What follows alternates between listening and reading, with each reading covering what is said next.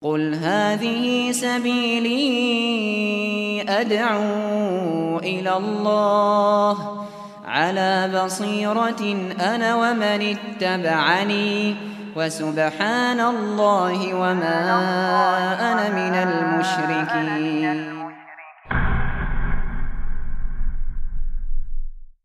بسم الله الرحمن الرحيم. السلام عليكم ورحمة الله وبركاته.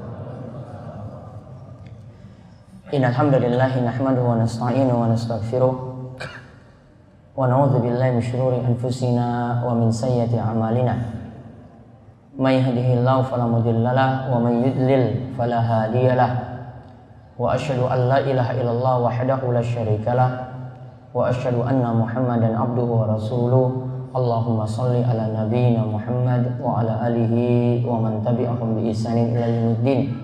Allahumma aslih lana dinana alladhi wa ismatu amrina wa aslih dunyaya allati fiha ma'ashuna wa aslih akhiratana allati fiha ma'aduna waj'alil hayata ziyadatan lana fi kulli khair waj'alil mauta rahatan lana min kulli syarr.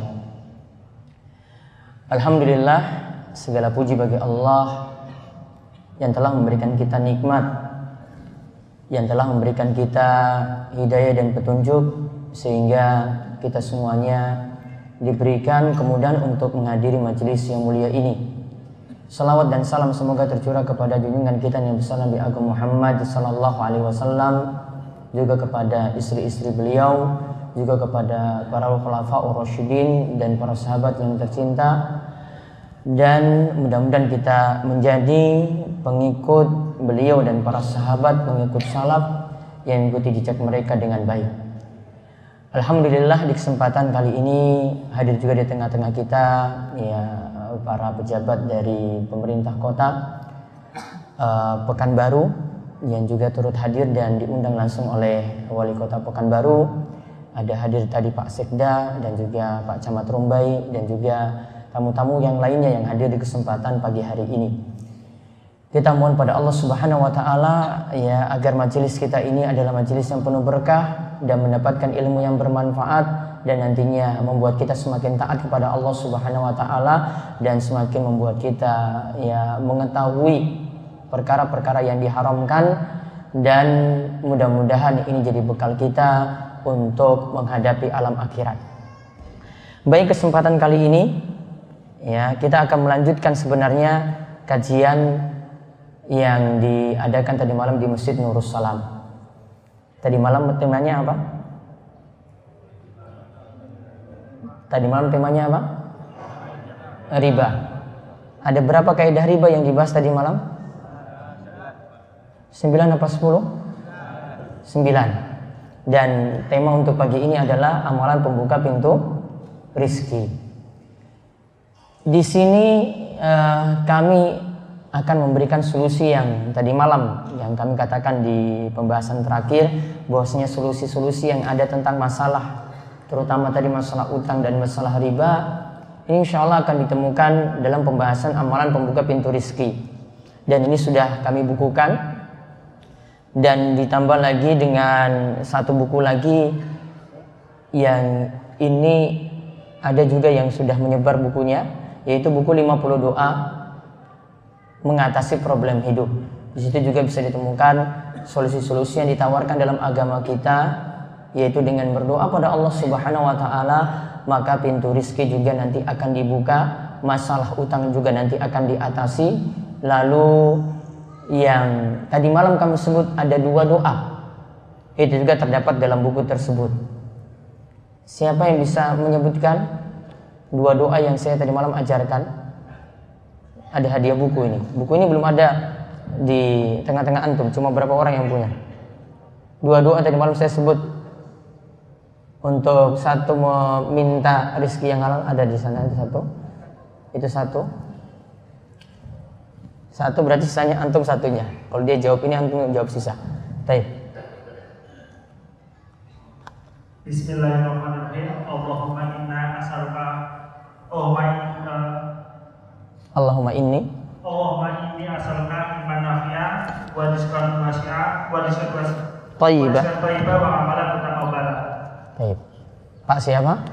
Taufik Pak Taufik Baik. Satu lagi. Bismillahirrahmanirrahim. Allahumma afini bihalalika an harumika. Allahumma kfini.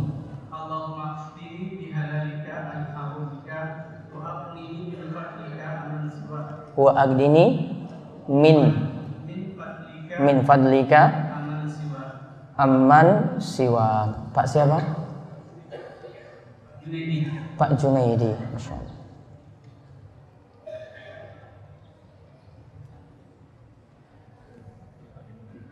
Ya.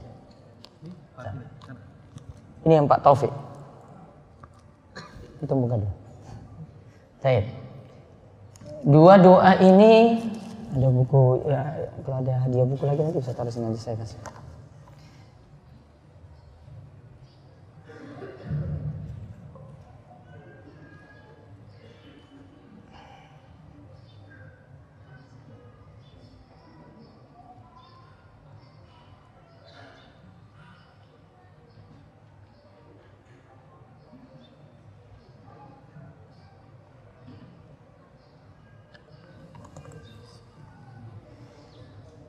Dua doa ini untuk mengatasi tadi atau untuk meminta pada Allah Subhanahu wa taala rizki yang thayyib atau rizki yang halal.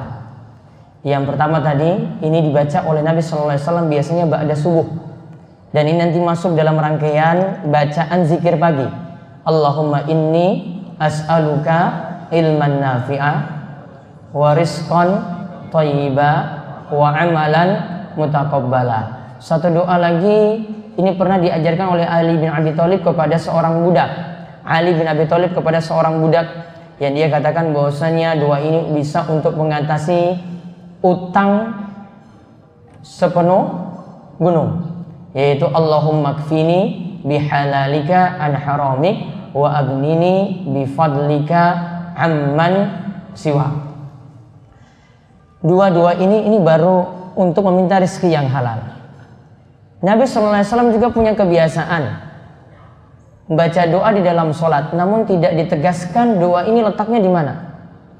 Bisa antum itu letakkan di saat sujud, karena saat sujud itu kesempatan yang terbaik untuk berdoa. Rasulullah Shallallahu Alaihi Wasallam itu bersabda, "Akrabu ma yakunul abdu min rabbih wa sajidun fa doa." Tempat yang di mana seorang hamba itu benar-benar dekat dengan Allah Subhanahu wa taala yaitu ketika dia sujud. Maka perbanyaklah doa ketika itu. Bisa juga antum letakkan di akhir sholat sebelum salam. Karena Nabi Shallallahu Alaihi Wasallam itu mengatakan ketika membaca doa Allahumma inni a'udzubika min azabi jahannam wa min azabil qabri wa min fitnatil mahya wal mamat wa min syarri fitnatil masih dajjal. Setelah membaca tahiyat diikutkan dengan doa apa saja yang antum mau. Maka bisa baca juga di akhir sholat sebelum salam. Yaitu Nabi SAW membaca doa ini. Allahumma inni a'udzubika minal ma'sami wal maghrab. Allahumma inni A'udzu bika minal ma'sami wal maghram. Allahumma ini ya Allah aku memohon. As'aluka, aku memohon kepadamu ya Allah.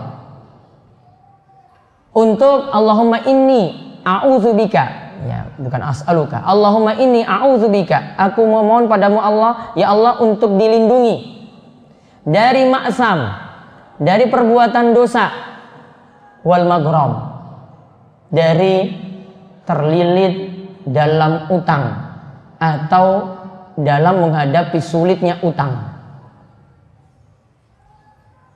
Doa ini tadi Nabi SAW baca dalam sholat. Allahumma inni a'udzubika minal ma'sami wal maghram. Ditanya oleh sahabat, wahai Rasul Sallallahu Alaihi Wasallam, kenapa engkau setiap kali sholat itu membaca doa ini? Kenapa setiap kali sholat kok doa itu terus diulang?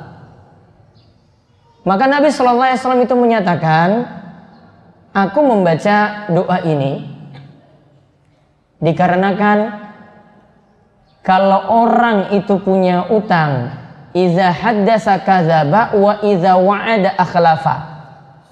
Orang itu kalau punya utang, jika dia itu berbicara, biasanya dusta.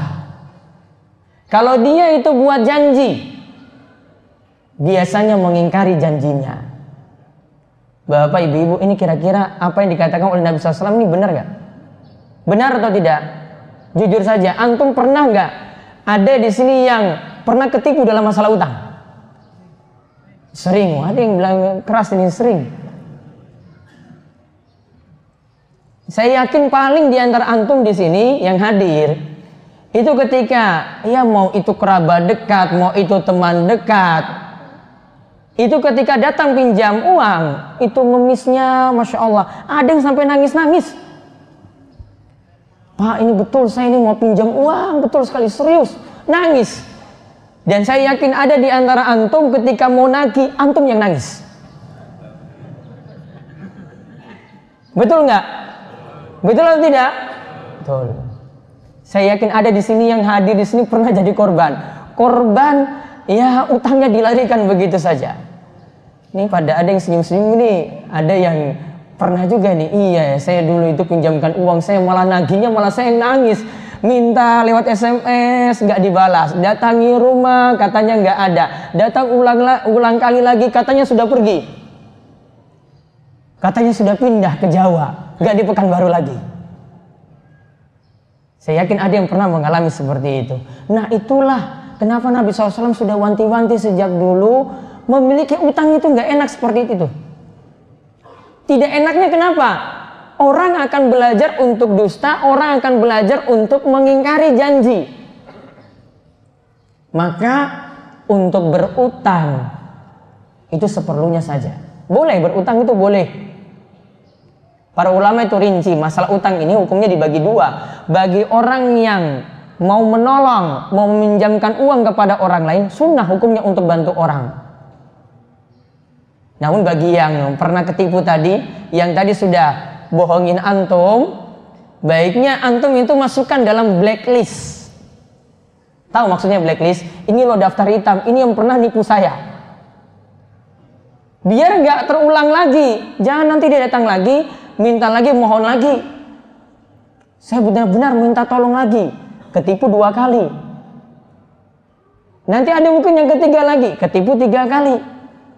Maka saran saya buat tadi apa? Blacklist daftar hitam. Boleh seperti itu untuk memberikan pelajaran. Karena memang ada orang-orang yang di dalam syariat kita juga itu yang diboykot cuma gara-gara dia punya masalah dalam masalah utang. Namun ada yang kedua, ini bagaimana kalau kita hukum meminjam uang pada orang lain, kita mencari utangan. Maka para ulama itu katakan, seperti misalnya Syekh Khalid Al-Musyaiki dalam kitabnya tentang masalah uh, muamalah yang beliau ringkas, beliau simpulkan hukum mencari utangan adalah sunnah. Maaf, hukum mencari utangan kalau tadi meminjamkan sunnah, kalau mencari utangan hukumnya baiknya cuma ketika butuh saja. Boleh, namun cuma ketika butuh, bukan setiap waktu. Bukan dijadikan kebiasaan. Saat kita butuh saja baru boleh kita itu meminjam uang kepada orang lain. Pegang prinsip ini baik-baik. Karena kalau kita mau melihat memiliki utang, ya, itu benar-benar berisiko besar. Benar-benar punya resiko besar. Saya mau rinci dulu masalah utang dulu ya. Atau saya mau bahas langsung amalan pembuka pintu rizki. Utang dulu ya. Wah ini kayaknya senang ini masalah utang kalau dibahas ini. Di mana-mana mau saya di Gunung Kidul juga sama utang terus yang jadi masalah. Pekan baru juga sama juga. Iya Sekda sama juga. Sama juga. Baik, ini ada resiko resiko besar atau saya sebutkan di sini berutang itu beresiko dilihat dari beberapa hal. Satu tadi sudah disebutkan, berutang itu mengajarkan orang untuk berbohong dan apa tadi? mengingkari janji. Satu. Berutang itu mengajarkan orang untuk berbohong dan mengingkari janji. Berarti kalau antum mau pinjam uang dan dalam keadaan butuh, penuhi dulu hal ini. Artinya hindarkan sifat bohong tadi pada diri antum. Kemudian benar-benar jaga amanat. Jangan ingkar janji. Yang kedua, bagi yang lari dari utang, ini yang lari saja ya. Dan namun kalau yang nggak lari, dia tetap ingin melunasi utangnya tadi tidak kena di sini. Namun ini yang lari dari utang, maka akan dikumpulkan bersama golongan pencuri pada hari kiamat. Kata Nabi Shallallahu Alaihi Wasallam, "Ayyuma rajulin wa huwa mujmi'un alla yuwafiyahu iyahu lakiyallahu sariqan. Hadis ini diriwayatkan oleh Imam Ibnu Majah. Hadisnya Hasan. Orang mana saja yang berutang lalu dia berniat tidak mau melunasi. Ada nggak orang seperti ini? Yang Nabi nggak mungkin ini sebutkan sesuatu yang tidak ada, pasti ada. Ada yang berutang, ah ini kayaknya orang ini super super apalagi orangnya itu baik. Apalagi kalau minjem sama ustadz ya biasanya dia punya pesan kayak gitu. Ah ini ustadz ini nggak mungkin tagih saya inilah sudah. Saya pergi saja nggak apa-apa. Ustadz itu baik kok. Masa ustadz itu pelit? Karena saya juga pernah ditipu seperti itu. Itu sudah masuk blacklist saya loh ini. Namun bukan warga Pekanbaru. Ya. kalau ini sudah masuk blacklist saya tuh sudah nggak bisa berulang kali lagi datang ke saya lagi Tadi lihat, dia berutang dan sudah punya niatan tidak mau melunasinya, maka dia akan bertemu Allah dalam status sebagai pencuri sarik. Dicatat sebagai pencuri statusnya. Tahu Bapak Ibu-ibu, kenapa dicatat sebagai pencuri? Karena dia sama seperti orang yang bawa lari tadi, itu sama seperti orang yang nyuri barang, nyuri sesuatu. Dan dikatakan di sini akan dicatat sebagai pencuri tadi maksudnya hari kiamat kata Imam Al-Munawi. Hari kiamat nanti dia akan dikumpulkan sama seperti golongan pencuri satu kelompok. Imam Munawi itu mengatakan orang seperti ini akan dikumpulkan bersama golongan pencuri dan akan diberi balasan sebagaimana mereka. Karena sifatnya sama. Sekarang yang ketiga. Allah akan menghancurkan orang yang tidak mau mengembalikan utang. Tadi yang lari dari utang Allah akan menghancurkan hartanya atau Allah akan menghancurkan dirinya. Kata Nabi SAW, "Man akhadha amwalan nas yuridu atlaf yuridu itlafaha atlafahallah." Dalam hadis diriwayatkan oleh Imam Bukhari, juga terdapat dalam riwayat Ibnu Majah. Siapa saja yang mengambil harta orang lain, bentuknya mengambil harta orang lain ini kata para ulama, dia ambil dengan cara meminjam. Lantas dia tidak mau mengembalikan utangnya tadi. Maka ini dikatakan yuridu itlafa. Itu berarti dia ingin supaya menghancurkan harta orang. Maka Allah Subhanahu wa taala juga akan menghancurkan dirinya dan hartanya. Itu yang ketiga. Yang keempat, masih ada utang enggan disolatkan oleh Nabi Shallallahu Alaihi Wasallam. Masih ada utang itu enggan disolatkan oleh Nabi Shallallahu Alaihi Wasallam ketika Nabi Shallallahu Alaihi Wasallam itu masih hidup. Ada beberapa jenazah itu yang dihadapkan pada Nabi Shallallahu Alaihi Wasallam untuk disolatkan. Ada jenazah pertama yang didatangkan, Nabi SAW tanya seperti ini, ini punya utang atau tidak? Ketika itu dijawab, tidak punya utang wahai Rasulullah. Rasulullah SAW sholatkan. Jenazah yang kedua dihadirkan, orang ini punya utang atau tidak? Punya wahai Rasulullah. Ada sesuatu untuk lunasi utangnya ini? Ada baru mau disolatkan. Yang ketiga, jenazah lagi dihadapkan di hadapan Nabi Shallallahu Alaihi Wasallam, orang ini punya utang atau tidak? Dijawab, orang ini punya utang. Ada yang untuk melunasi utangnya. Dijawab ketika itu, tidak ada wahai Rasulullah. Rasulullah SAW sudah undur diri ketika itu, enggan untuk menyolatkan jenazah ini. Lantas ada sahabat yang namanya Abu Qatadah. Dia mengatakan pada Rasulullah Sallallahu Alaihi Wasallam, Salli alaihi ya Rasulullah wa alayya dainuhu. Salatkan jenazah ini wahai Rasulullah, aku yang nanti nanggung utangnya. Berarti kalau ada yang menanggung utang tadi, selamat. Andai tidak ada yang menanggung, Rasul tidak mau menyolatkan jenazah tersebut.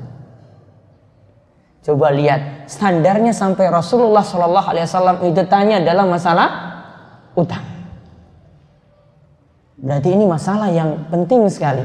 Ini terutama untuk orang-orang yang mampu melunasi utangnya, namun dia numpuk utang terus, numpuk utang terus. Makanya biasanya keluarga itu memohon kepada uh, para hadirin yang layak ketika itu, yang hadir prosesi jenazah ketika itu. Siapa di antara kalian yang punya utang kepada jenazah ini, tolonglah laporkan. Ini bagus.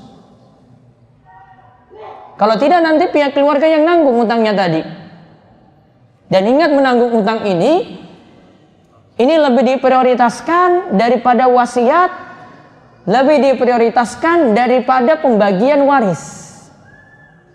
Karena urutannya ya, untuk masalah harta, harta peninggalan dari orang yang meninggal dunia, itu yang pertama digunakan untuk mengurus jenazahnya dulu, satu.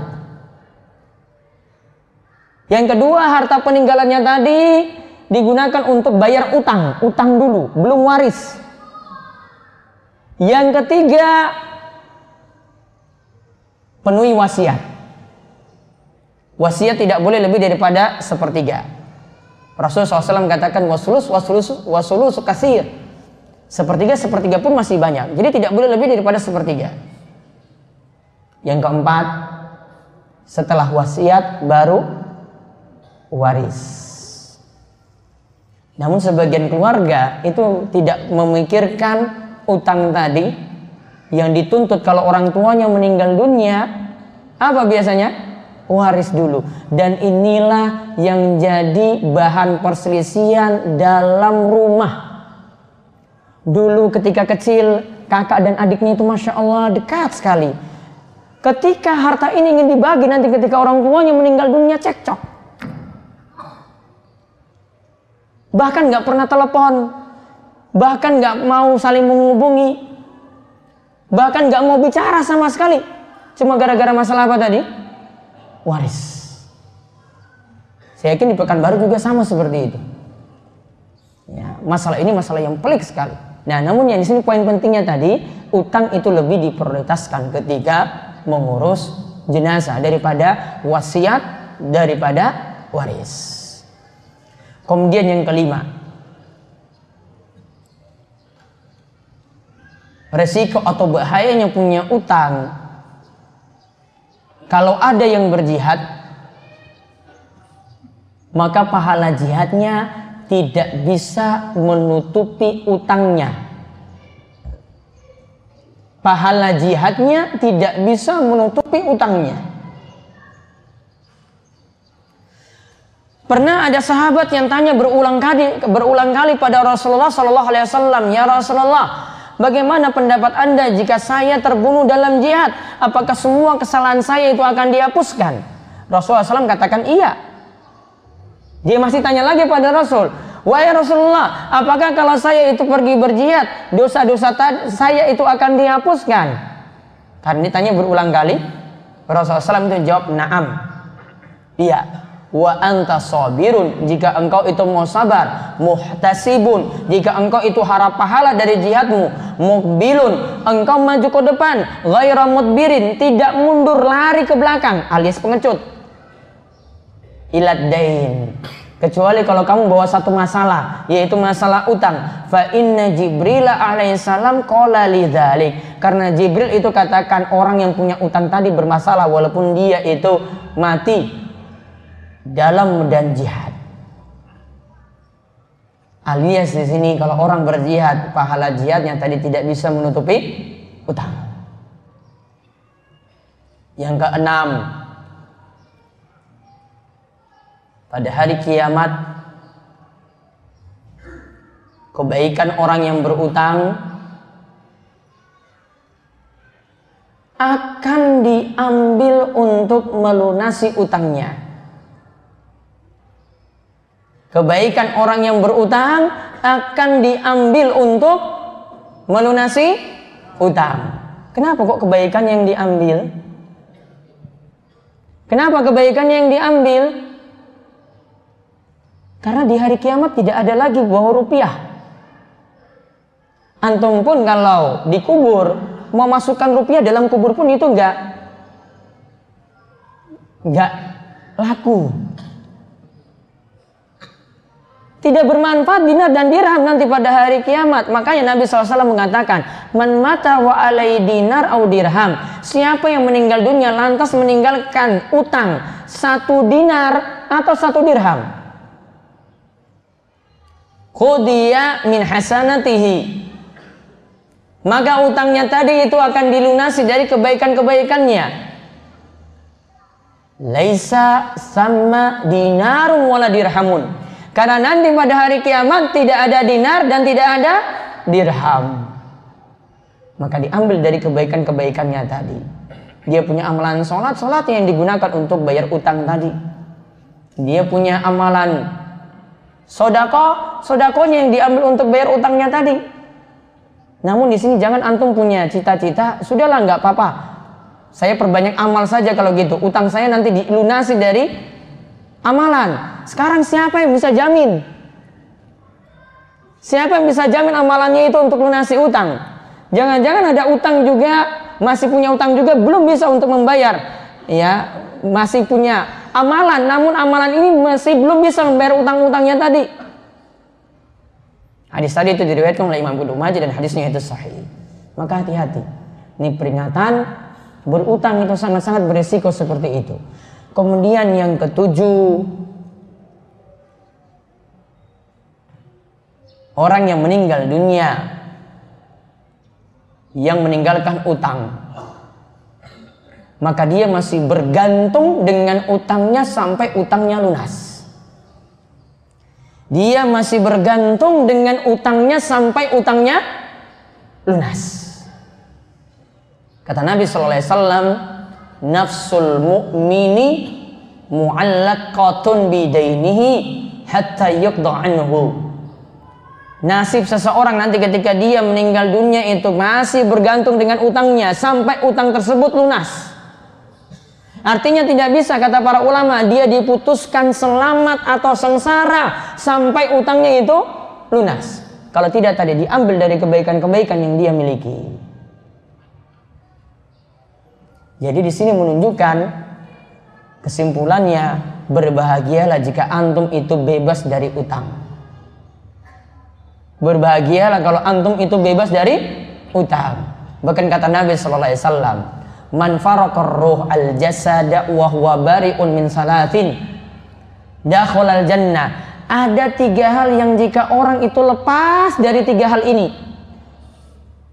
maka dia dijamin masuk surga. Ada tiga hal jika orang lepas dari tiga perkara ini maka dia akan dijamin masuk surga. Satu al-kibar sombong dua al-gulul Gulul itu mengambil harta dengan cara khianat. Mengambil harta dengan cara tidak amanat. Yang ketiga, bebas dari utang. Jaminannya tadi apa? Jaminannya tadi apa? Dia akan masuk surga. Maka orang yang paling bahagia saat ini di zaman ini, orang yang paling bahagia juga di Pekanbaru sekarang ini, orang yang nggak punya utang.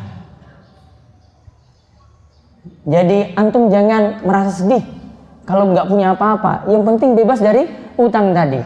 Dan antum nggak usah khawatir kalau lihat ada orang yang punya mobil mewah, yang punya motor mewah, yang punya rumah mewah, yang punya fasilitas yang serba canggih. Namun itu semuanya dari utang. Yang itu semuanya dia dapatkan mungkin numpuk-numpuk dengan kartu kreditnya yang banyak. Ada yang punya kartu kredit tuh utangnya bisa numpuk sampai 40 juta, 50 juta itu ada. Dan berbagai macam bank nanti akan tawarkan seperti itu. Ya, apalagi kalau tahu antum itu punya tabungan banyak akan ditawarkan. Bahkan minta lagi ditambah. Sudah punya kartu kredit ditambah lagi.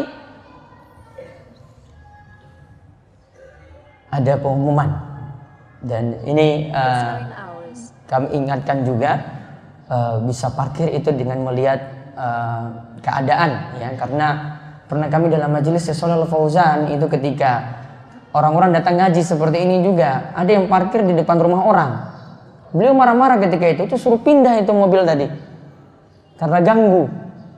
Asalnya sudah ada di parkiran ya. Mungkin di sini juga mungkin parkirannya kurang mencukupi namun ini diminta untuk dipindahkan segera mobil dengan nomor B 411 B411 RFI B411 RFI mohon bisa dipindahkan. Sudah tadi? Sampai di mana tadi? Orang yang paling bahagia apa yang bebas dari utang. Namun antum tidak usah khawatir kalau ada yang punya utang. Saran saya cuma satu saja, harus serius melunasi utangnya. Jangan tadi punya sifat lari dari utang atau punya sifat khianat. Karena kalau sifat khianat ini dimiliki, orang tidak akan bantu lagi. Kalau sifat khianat ini dimiliki, orang lain itu jadi rugi. Dan antum zolimin sudah zolimi orang seperti ini. Saya yakin ada di antara antum sekalian dulu pernah membaca majalah. Ya, kami jadi penulis juga di situ, majalah pengusaha muslim. Ada yang pernah dengar ini? Pernah? Sekarang terbit nggak? Ada yang pernah dapat lagi sekarang? Di Pekanbaru sampai atau tidak? Sudah lama nggak masuk kan? Itu bangkrut cuma gara-gara agen-agennya itu nggak mau bayar utang. Jadi buku dititipkan, Nah, ketika mau ditagih, kan berarti jadi utang di agen. Agennya nggak mau ini tadi nggak mau kembalikan. Tadi yang saya sebut tadi, kalau utang dengan ustadz itu enak, nggak usah dikembalikan. itu karena yang punya majalah itu pengusaha muslim, pengusaha muslim katanya baik-baik. Iya baik-baik bangkrut, nggak bisa terbit lagi. Kalau tidak percaya tanya sama Ustadz Arifin Badri. Ya. Diputuskan tutup Agen-agennya seperti ini coba zolimi orang. Gak jalan lagi loh. Padahal itu kalau terbit terus ini bisa memberikan pelajaran pada pengusaha-pengusaha yang ada di Indonesia. Cuma gara-gara ini coba. Jadi saya sarankan di sini ada yang jadi agen apa pun, bukan hanya jadi agen buku atau agen majalah. Ingat kalau antum pegang uang orang itu, itu amanat. Kalau ditagi, sudah waktunya ditagi, sudah ada perjanjian tiap bulan ditagi atau tiga bulan nanti akan ditagi, ya dikembalikan. Karena ini masalah utang. Ini bukan satu dua kasus ini. Ini mohon maaf. Yang seperti ini, ini orang yang berjenggot seperti antum juga. Kalau saya bilang ini jidatnya ini lebih irang, lebih hitam daripada saya di sini. Nah masalah utang, masya Allah, super super kurang ajar kalau kita bilang itu. Jenggotnya mungkin lebih lebat. Saya nggak salahkan jenggotnya, namun antum melihat penampilan ini ternyata ini bukan jadi jaminan. Orangnya itu orang yang jujur.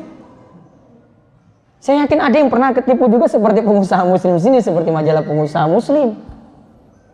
Bahkan mungkin satu pengajian loh. Duduk bareng-bareng seperti ini, mesra-mesraan. Namun kalau sudah pinjam uang, dia nggak nongol-nongol lagi dalam majelis. Dia berangkat-berangkat lagi. Entah ada di mana, dia mungkin pergi ke provinsi lain, entah pergi ke dunia lain. Wallahu a'lam. Saya ingatkan ini karena biar kapok dalam masalah utang. Ya bukan hanya yang kalian yang pinjam, namun orang yang tadi nggak mau kembalikan kembalikan itu yang harus diingatkan. Nah sekarang problema kita berikutnya untuk masalah utang tadi, ya kita terlilit dengan utang yang bertumpuk-tumpuk. Asalnya utangnya itu sederhana. Kita pinjam 10 juta. Bisa berlipat-lipat sampai 20, ada yang sampai 40 juta, apalagi meminjamnya pada rentenir-rentenir yang super-super jahat. Atau bank-bank pelecit yang bunganya itu sangat-sangat besar. Tadi malam sudah sebutkan tentang kaidah riba. Ya. Kaidah riba secara umum itu apa? Kullu qardin jarra manfaatan fahuwa riba. Setiap utang piutang yang di dalamnya itu ada manfaat, ada keuntungan, maka itu adalah riba. Contoh dalam masalah gadai. Kita meminjam uang, gadainya itu adalah motor kita. Sebagai barang jaminan itu adalah motor. Aturannya utang harus dikembalikan dengan yang semisal. Dan tidak boleh ada manfaat yang diperoleh. Kalau motor ini akhirnya barang gadai ini akhirnya dipakai. Oleh orang yang meminjamkan utang tadi. Dipakai. Ada manfaat atau tidak berarti ada manfaat masuk atau tidak dalam riba makai motor tadi itu juga masuk dalam riba Contoh lagi. Ada yang kita meminjamkan uang pada orang lain, dia nitip sebagai gadaian itu sawah. Silakan Pak dipakai saja sawah ini sampai lima tahun. Hasilnya silakan dinikmati. Saya ingin pinjam pada Bapak uang 50 juta. Ini jaminannya. Ada riba atau tidak di sini? Ribanya apa?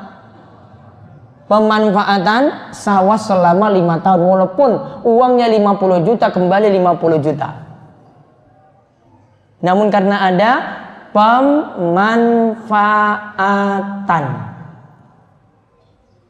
ada pemanfaatan tambahan ini tidak diperkenankan dalam masalah utang piutang dan tentang masalah ini kalau kita lihat wah berbagai macam kasus tengah-tengah masyarakat kita. Saya harap antum mudah-mudahan lepas daripada masalah utang ini termasuk dalam utang riba. Ada cerita, saya pernah dapatin cuma dari video saja. Saya yakin di sini ada yang pernah di-share juga tentang masalah ini. Ada seorang pensiunan. Dia dapat gaji kalau tidak salah gaji pensiunnya itu 3,8 juta. Namun dia sudah terlilit utang yang harus dilunasi selama lima tahun. Lima tahun berarti berapa bulan? 60 bulan. Harus bayar tadi tiga setengah juta per bulan. 3,8 juta dikurangi tiga setengah juta berapa?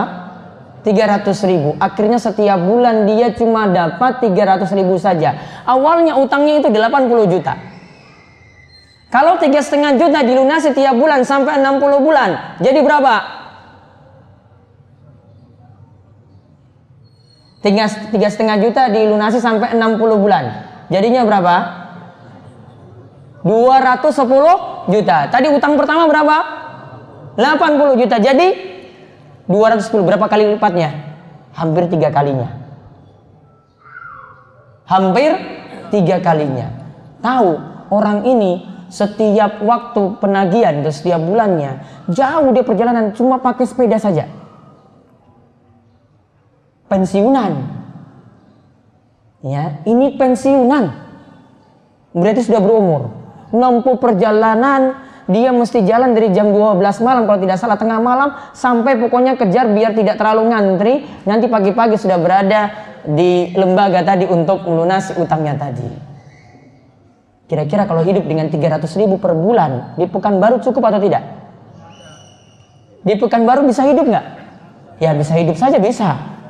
Namun dengan apa hidupnya? Awalnya dia nikmati 80 juta tadi di akhir pensiunnya tadi cuma nikmati berapa? 300 ribu per bulan. Maka banyak-banyak berdoa itu biar di waktu tua itu tidak dapat arzalil umur, yaitu keadaan tua yang jelek. Nabi SAW dalam sholatnya itu pernah berdoa. Dan ini diletakkan oleh Imam Nawawi dalam kitabnya Riyadus Solihin sedang membahas doa setelah sholat. Antum bisa letakkan tadi di akhir sholat sebelum salam. Isinya ada empat kandungan dalam doa ini. Allahumma inni a'udzubika minal jubuni wal bukhli. Wa min arzalil umuri. Wa min fitnatid dunya wa min azabil qabri. Siapa yang hafal doa ini? Siapa yang hafal? Empat kandungan tadi. Ini ada di kitab Riyadus Solihin, di kitabul Afkar, saat Imam Nawawi sedang membahas zikir ba'da sholat. Saya kasih dua buku ini. Ada mic di akhwat? Ada? Ya, kasih ibu-ibu. Coba ada ibu-ibu yang ngapal tanpa buka buku. Silakan Bu. Bapak-bapak ada? Aduh bapak ini kurang hafalan doanya ini bapak. Harus nambah ini hafalan doa ini. Ada? Saya. Waduh ini banyak angkat angan ini. Saya satu. Allahumma inni a'udhu bika minal jubni wal bukhl wa a'udhu bika min adzalil umur wa a'udhu bika min fitnatid dunya Jazakallah Allah yubarik fiik. Satu lagi. Tadi ada ngacung lagi ya. Ayo, Pak.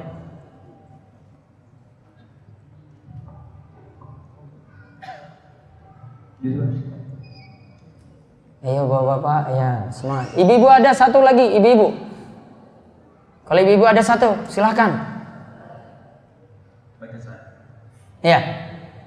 Allahumma inni a'udzubika minal juni wal wa a'udzubika min wa a'udzubika min arzadil umur wa a'udzubika min fitnatid dunya wa a'udzubika min minal qabr. Min azabil qabri.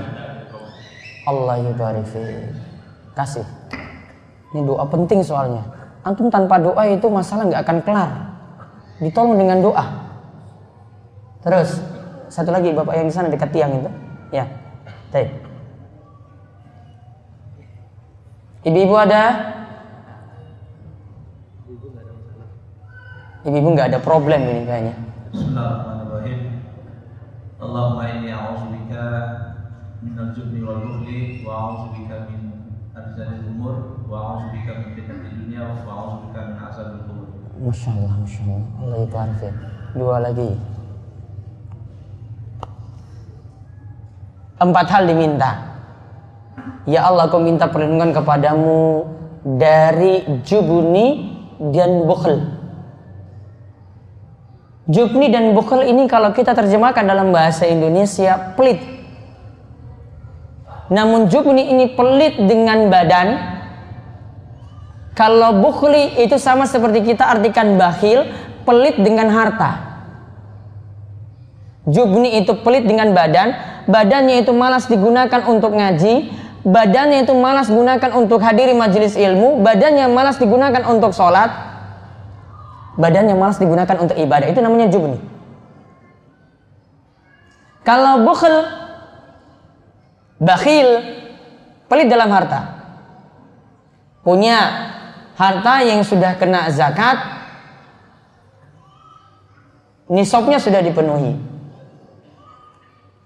haulnya juga sudah dipenuhi. Namun dia tahan-tahan hartanya tadi. Pelit namanya. Itu bakhil bukhli tadi. Kita minta pada Allah berlindung dari sifat ini. Itu yang pertama.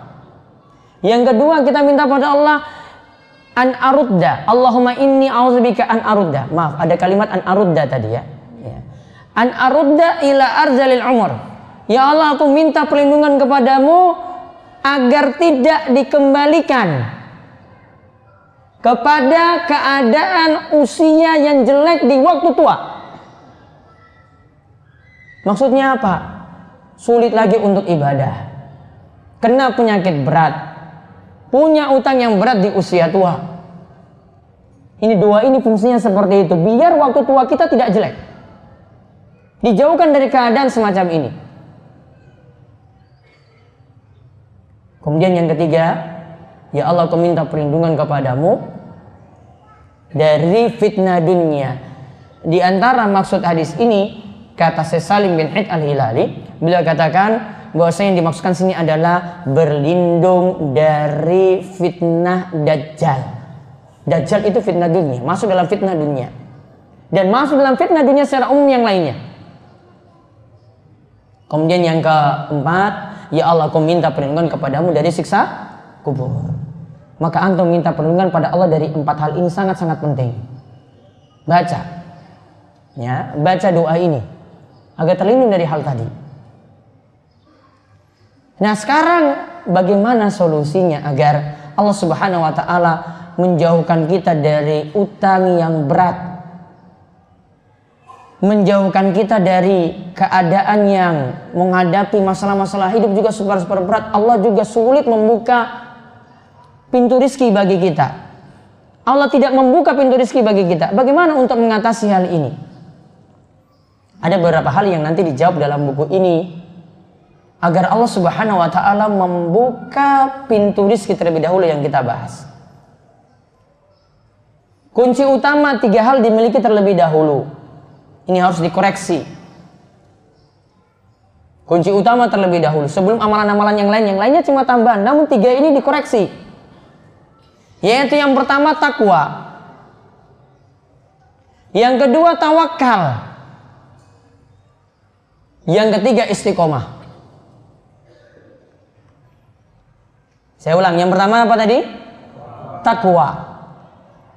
Takwanya, ibadahnya, menjalankan perintahnya, menjauhi larangan Allah Subhanahu wa taala diperbaiki. Jangan-jangan kita takwa, takwanya cuma separuh-separuh. Ada yang takwanya cuma musiman. Karena cuma tahu takwa itu pada ayat puasa saja.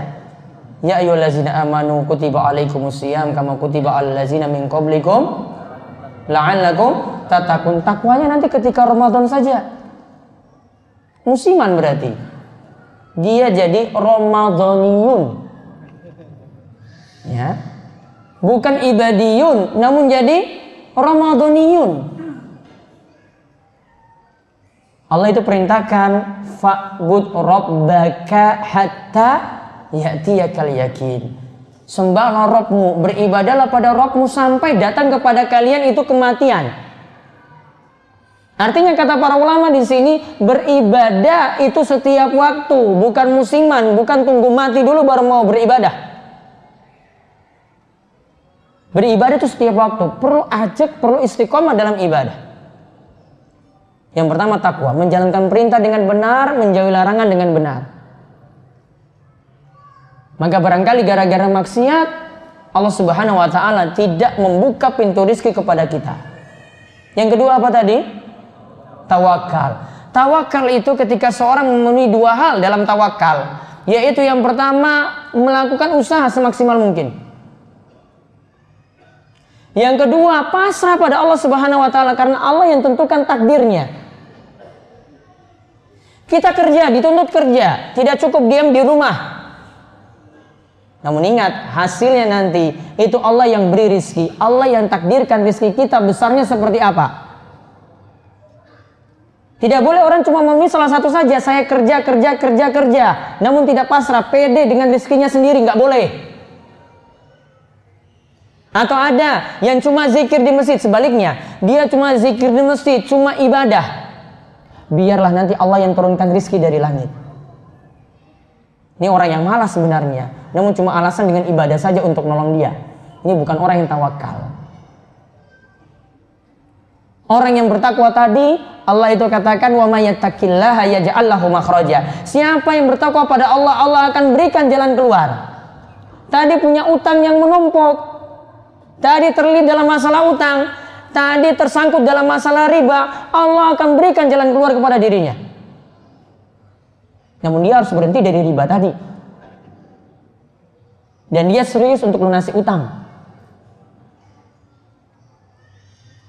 Adapun tawakal, Allah janjikan, "Wa may yatawakkal 'alallahi fahuwa hasbuh."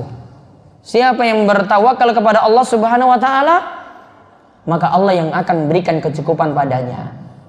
Kalau Allah yang beri cukup, maka itu sudah jadi solusi yang besar bagi antum sekalian. Yang ketiga apa? Istiqomah. Kalau tadi uh, tentang yang pertama dan kedua itu dalilnya surat At-Tolak ayat 2 sampai 3. Takwa dan tawakal At-Tolak ayat 2 sampai 3. Kalau istiqomah lihat nanti dalilnya surat Al-Jin ayat 16 sampai 17. Surat Al-Jin ayat 16 sampai 17.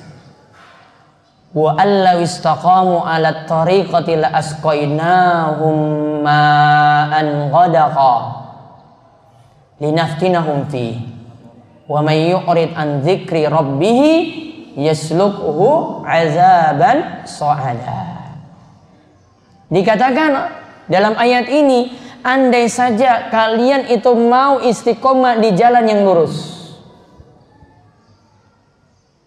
Maka Allah Subhanahu wa taala benar-benar akan memberikan kalian minum yang segar atau rizki yang banyak. Allah kaitkan rizki, kaitkan air tadi yang Allah Subhanahu wa taala berikan dikaitkan dengan apa? Istiqomah.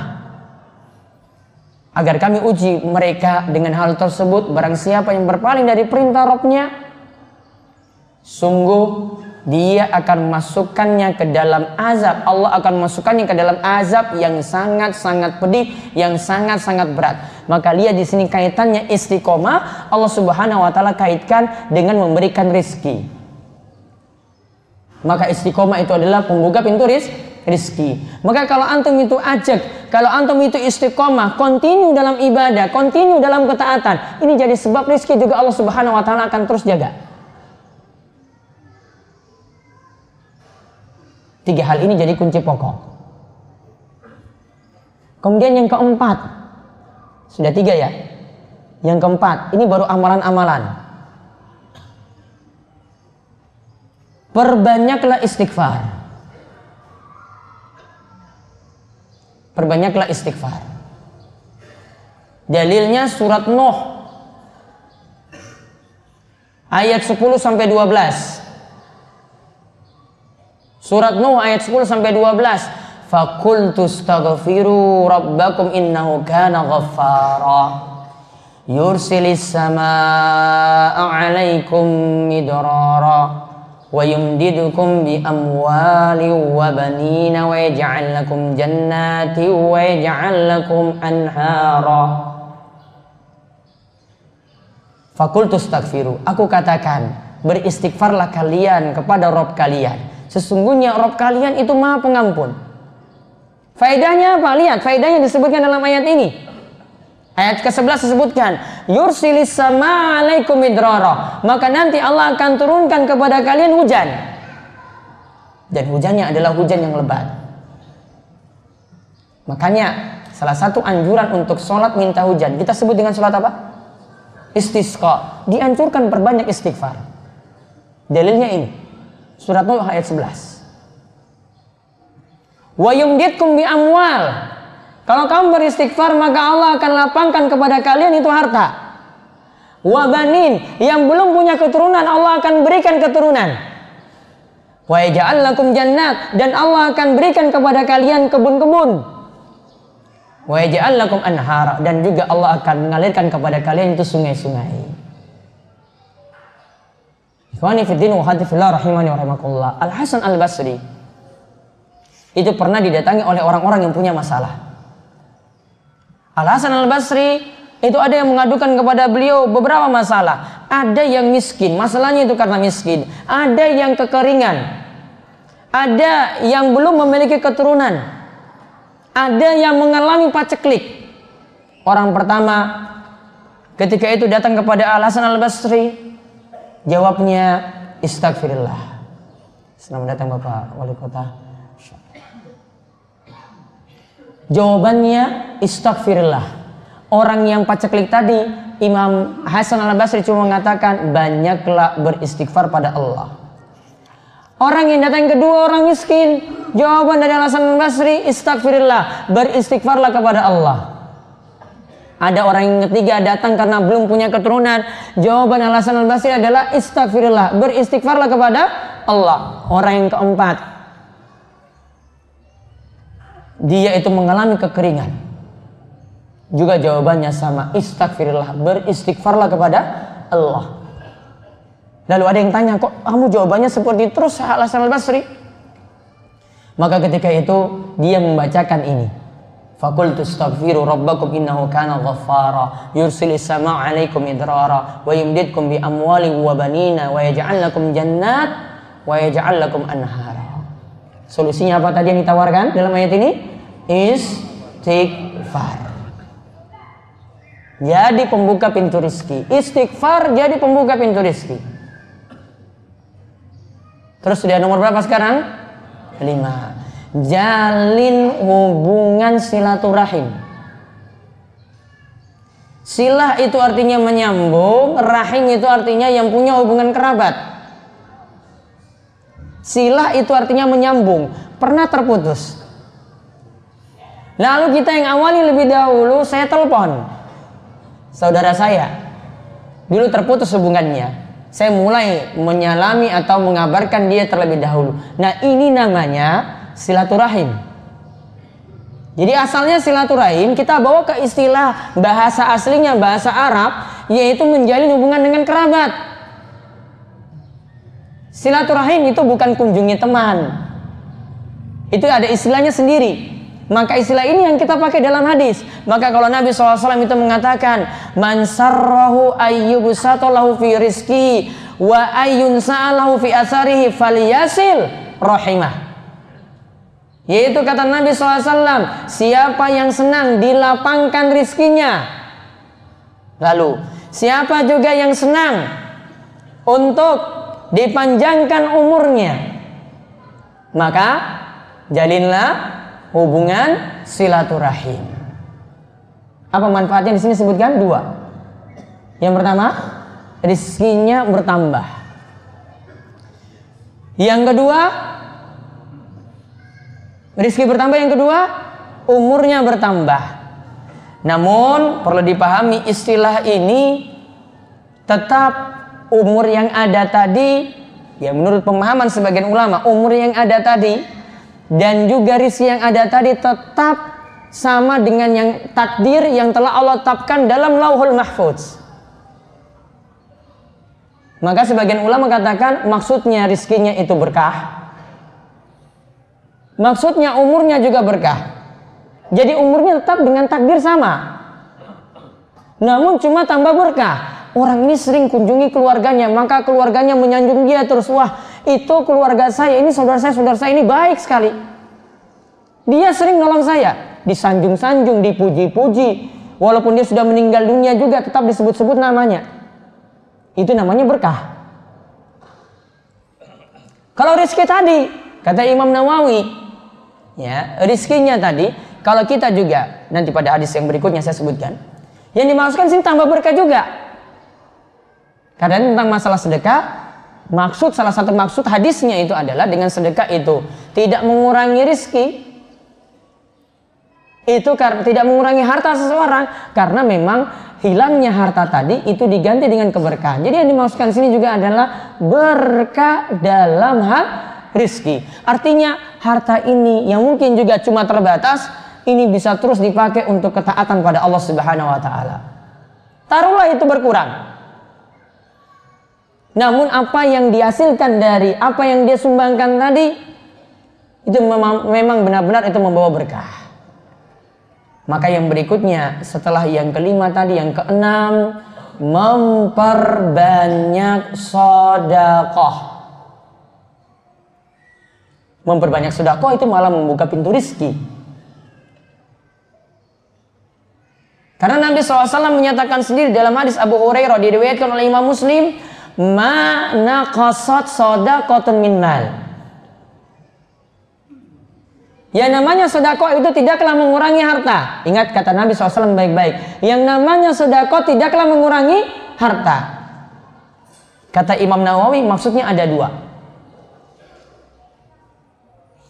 Hartanya itu berkurang, namun Allah ganti dengan pahala. Satu. Maksud yang kedua, hartanya berkurang namun akan diberikan berkah. Ya, akan diberikan berkah. Berkahnya gimana? Boleh jadi Allah ganti lagi dengan rezeki yang lebih banyak. Atau benar-benar harta yang dikeluarkan ini membawa manfaat yang besar. Itu yang namanya sodakoh tidaklah mengurangi harta. Lalu yang ketujuh, pembuka pintu rizki lagi berhaji dan berumroh. Kok keluarkan kok malah dapat pembuka pintu rizki? Iya. Karena dalam sejarah tidak pernah Pak Haji, Bu Haji, dalam sejarah jatuh miskin. Tidak pernah dalam sejarah seperti itu kita temukan. Kecuali kalau Pak Haji, Bu Hajinya tambah sifat lagi, super-super pelit. Sudah berhaji, hajinya tidak mabrur. Mabrur itu apa artinya mabrur? Mabrur itu amalan kebaikannya itu langgeng, tetap terus ada. Artinya sebelumnya dia itu malah sholat setelah berhaji jadi rajin sholat, bahkan jadi rajin berjamaah. Sebelum berhaji dia jarang menghadiri majelis ilmu setelah berhaji, rajin untuk menghadiri majelis ilmu. Sebelum berhaji, sodakonnya cuma setiap Jumatan saja. Itu pun masih mikir-mikir, duit hijau ataukah duit merah ya ini ya? timbang-timbang itu. Sodakonya malah setelah berhaji nambah.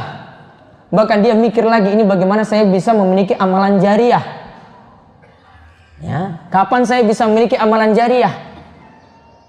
Dan amal jariah itu banyak. Di antara bentuk amal jariah kita keluarkan harta kita untuk wakaf atau untuk jalan kebaikan dan dan kebaikan ini dipakai terus.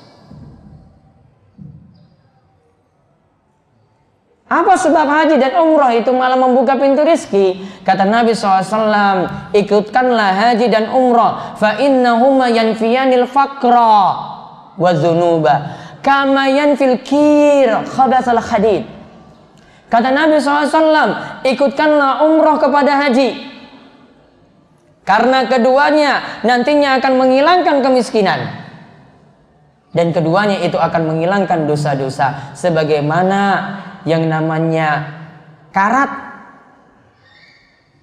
pada besi, emas dan perak itu bisa hilang karena pembakaran. Maka disifatkan di sini haji dan umroh itu akan menghilangkan kefakiran, akan menghapuskan dosa. Berarti pintu rizkinya itu dibuka. Sudah berapa amalan? Tujuh. Mau tambah lagi? Yang kedelapan. Yang kedelapan ini dengan doa. Doanya tadi saya sudah beritahu yang pertama tadi Allahumma inni as'aluka ilman nafi'a wa rizqan thayyiba wa amalan mutaqabbala. Itu meminta rizki yang thayyib, pintu rizki dibuka. Baca setiap kapan itu yang paling bagus? Pada subuh. Namun antum bisa pakai doa ini setiap waktu karena doanya sifatnya umum. Yang kedua tadi, Allahumma kfini bihalalika an haramik wa agnini bifadlika amman siwa. Ini juga pembuka pintu rizki. Ada lagi pembuka pintu rizki ada. Ada di antara antum yang membaca doa di antara doa duduk antara dua sujud. Yang paling sederhana dalam riwayat sebutkan cuma baca Robbik Firli, Robbik Firli dua kali. Ada yang membaca seperti ini. Rabbik firli warhamni wajburni warfa'ni warzuqni wahdini. Artinya, ya Allah berikanlah ampunan kepadaku, ya Allah rahmatilah aku, ya Allah berikanlah kecukupan kepadaku, ya Allah warfa'ni tinggikanlah derajatku. Warzuqni, ya Allah bukakanlah pintu rizkiku. War wahdini ya Allah berikanlah petunjuk kepadaku ini juga jadi pembuka pintu rizki ada lagi doa. Namun ini sebenarnya adalah doa dari Nabi SAW kepada Anas. Ketika itu Nabi SAW doakan dia, semoga kamu itu bertambah harta, Semoga engkau itu diberikan keturunan yang banyak.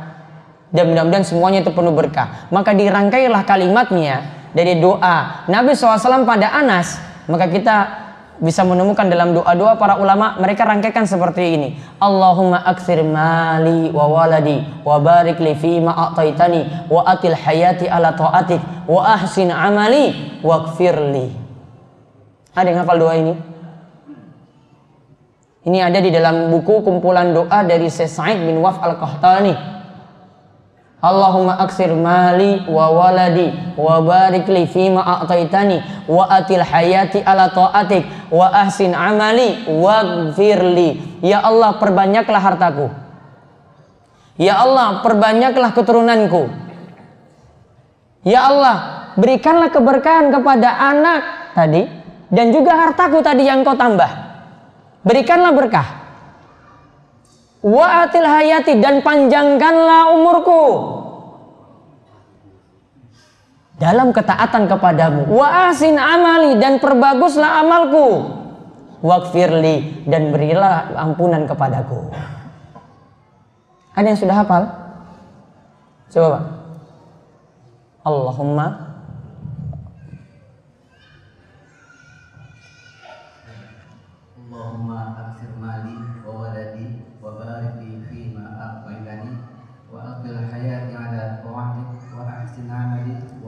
Masya Allah. Itu kayaknya antum sudah hafal itu ya. Masya Allah, Masya Allah. Mudah-mudahan panjang umur, diberkahi dalam semuanya. Masya Allah. Ah, ini Ustaz.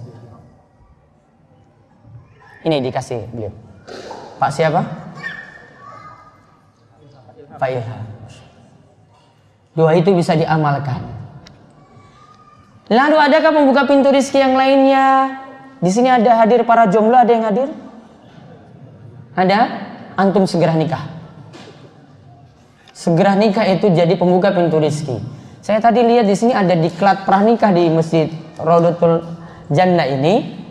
Namun yang laki-lakinya cuma 20, ahwatnya 200. Laki-laki kok ini penakut semuanya ya. Saya yakin jomblonya itu bukan hanya 20 di sini. Namun kok cuma sedikit. Kalau antum sekarang itu hidupnya susah, padahal sudah punya pekerjaan sebenarnya, coba antum nikah bukan coba nikah segera. Bukan coba-coba nikah segera. Maka insya Allah rizki itu akan dibuka. Coba perhatikan nanti surat ini. Silahkan nanti lihat.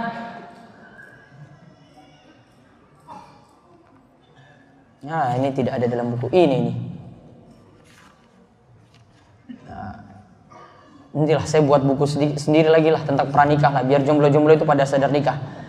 Ya. ada tiga hal yang Nabi Shallallahu Alaihi Wasallam itu katakan tiga orang yang akan mendapatkan pertolongan Allah. Ingat tiga orang ini. Di antaranya Nabi SAW sebutkan ini. Ada saya sebutkan tiga-tiganya. Al mujahid fisabilillah yang pertama orang yang berjihad di jalan Allah satu yang kedua, wan allazi yuridul afaf. Orang yang ingin menikah, dia menikah punya tujuan untuk jaga kehormatan dirinya. Antum eh, yang belum nikah itu kuat nahan syahwat di zaman ini dengan adanya YouTube, dengan adanya Facebook. Kita yang nikah saja sudah nggak kuat. Apalagi yang belum nikah nih Pak Wali Kota. Kemudian yang ketiga, wal mukatab allazi yuridul ada. Ada budak mukatab. Disebut dalam istilah perbudakan ada budak mukatab, dia ingin membebaskan dirinya, maka Allah akan tolong. Tadi disebutkan salah satunya apa tadi? Orang yang menikah tujuannya apa? Ingin menjaga kehormatan dirinya alias ingin selamat dari zina. Ya, alias ingin selamat dari zina. Dan antum tidak perlu khawatir. Sekarang antum rizkinya pas-pasan. Biasanya jomblo itu hitungan wah saya sekarang saya cuma bisa makan sendiri. Iya, sekarang bisa makan sendiri. Antum nikah, Allah bukakan pintu rizki. Salah satu contohnya setiap pagi kalau antum kerja. Ada malaikat yang akan doakan antum akan ditambah rizkinya ketika rizki itu antum nafkahkan untuk istri. Setiap pagi ada malaikat yang tugasnya seperti ini. Ingat, ini tugas malaikat untuk aminkan, untuk mendoakan. Mamin yaumin yusbihul ibadi fi. Tidaklah seorang hamba itu berada di pagi harinya illa malakani yanzilan. Ada dua malaikat yang ketika itu turun. Fayakul ahadu, salah satu malaikat itu mendoakan, Allahumma a'ti munfiqan khalafan. Ya Allah berikanlah ganti bagi orang yang rajin berinfak. Infak mana yang lebih bagus? Infak kepada anak dan istri ataukah infak sunnah yang lainnya? Mana yang lebih bagus? Infak pada keluarga. Maka para ulama masukkan hadis ini keutamaan dalam mencari menafkah. Hadis ini masuk. Ada suami yang dapat gaji, dia berikan pada istri, gajinya berkurang, Allah akan ganti didoakan oleh malaikat Doa malaikat itu doa yang terkabul. Sebaliknya ada malaikat tadi yang kedua, wa yaqulul akhar, Allahumma a'ti mumsikan talafan. Ya Allah, tahanlah. Maaf, ya Allah, berikanlah kehancuran. Pada siapa? Pada orang yang mumsik. Mumsik tadi sama dengan istilah pelit.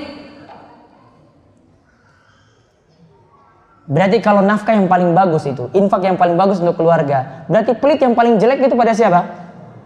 Pada keluarga. Dia dengan orang lain, masya Allah traktir setiap pekannya. Teman-temannya ditraktir, teman kantor. Namun dengan istri, pelitnya super, uh, bukan main, sangat-sangat pelit.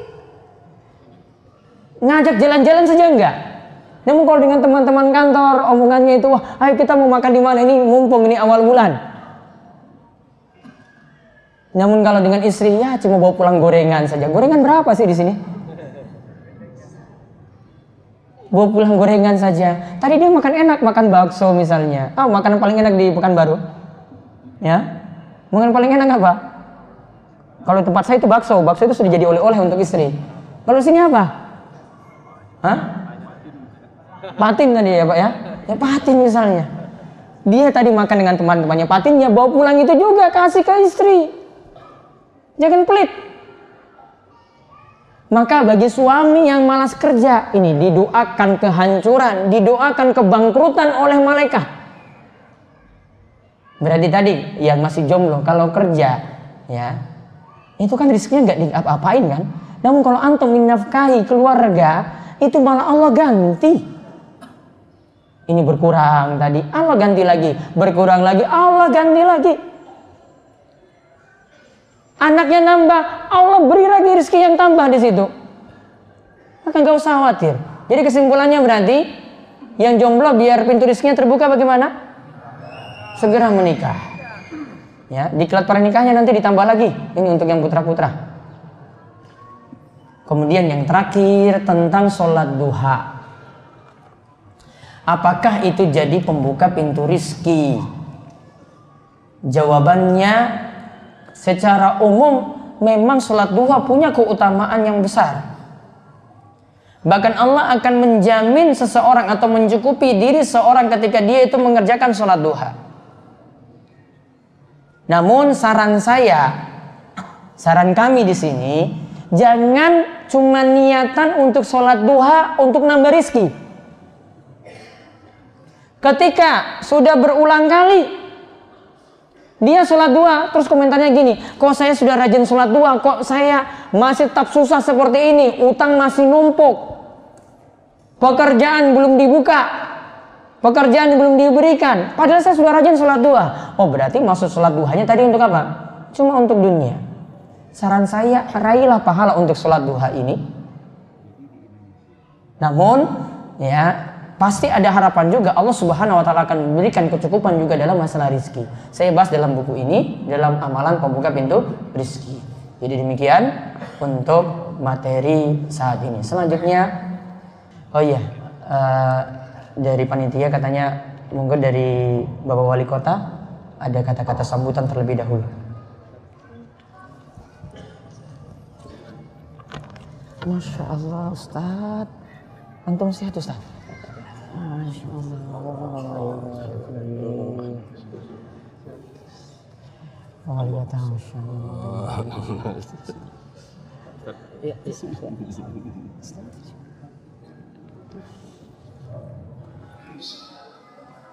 Assalamualaikum warahmatullahi wabarakatuh. Alhamdulillahirabbil alamin wassalatu wassalamu ala asrofil anbiya'i wal mursalin wa ala alihi wa sahbihi ajma'in. Asyhadu an la ilaha illallah wa asyhadu anna Muhammadar Rasulullah wa ba'du. Yang saya hormati Anggota kita Muhammad Abdul Wasikal SDLC yang saya hormati panitia tablik akbar Masjid Raudatul Jannah Pekanbaru. Yang saya hormati ketua maupun pengurus Masjid Raudatul Jannah dan seluruh hadirin muslimin dan muslimat yang dirahmati Allah. Puji syukur mari kita panjatkan dari Allah Subhanahu wa taala Salawat beriring salam tak lupa kita kirimkan kepada Tuhan besar kita dan Muhammad SAW. Allahumma sholli ala Muhammad wa ala Muhammad. Assalamualaikum ya Rasulullah. Kaum muslimin dan muslimat yang dirahmati Allah pada pagi hari yang berbahagia ini untuk kali yang kesekian kalinya kami pemerintah Kota Pekanbaru sejak kami ditunjuk sebagai PLT maupun pejabat wali kota ingin meningkatkan siang agama di kota Pekanbaru ini. Dan hari ini bukti itu sudah kami laksanakan setelah sebelumnya dengan Ustadz Rafiq Besa Basalama kemarin dan juga ada Ustadz Abdul Rozak sebelumnya di Masjid Ad-Dardah dan hari ini Pak Ustadz M. Abdul Wasika SMC kita undang ke Pekanbaru ini dan bertablik akbar di sini.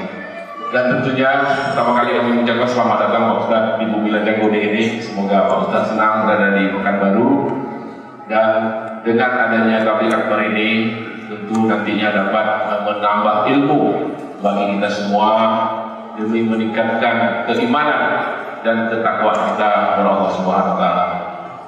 Tadi kami mohon maaf agak sedikit terlambat. Memang dari jam 12.11 malam saya sudah berada di sini bersama Pak Ustaz, Pak Ustaz ya. Karena tadi ada uh, kegiatan saksi pernikahan, dan setelah itu saya langsung ke sini bersama istri. Sekali lagi tentu saya berharap seluruh jemaah kita di sini, muslim dan muslimat, bersama-sama kita dapat mengikuti kegiatan ini dengan baik dan tentu ilmu-ilmu yang kita dapatkan pada pagi hari ini dapat kita implementasikan dalam kehidupan kita sehari-hari untuk menjaga kota Pekanbaru ini yang lebih madani.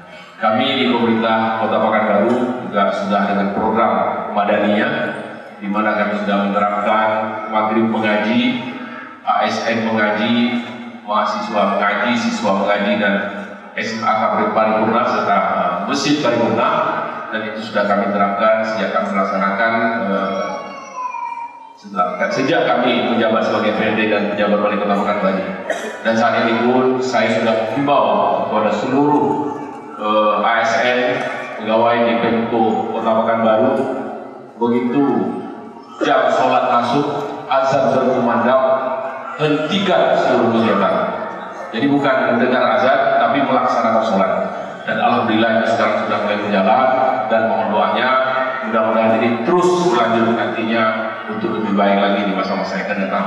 Sebagaimana tadi yang disampaikan Al Ustaz, sesungguhnya memang sholat itu yang harus kita jaga, apalagi sholat itu di tepat waktu. Nah ini yang paling, memang jihad yang paling berat itu sholat di tempat waktu. Ya Pak Ustaz ya, semalam kami berdiskusi dengan Ustaz.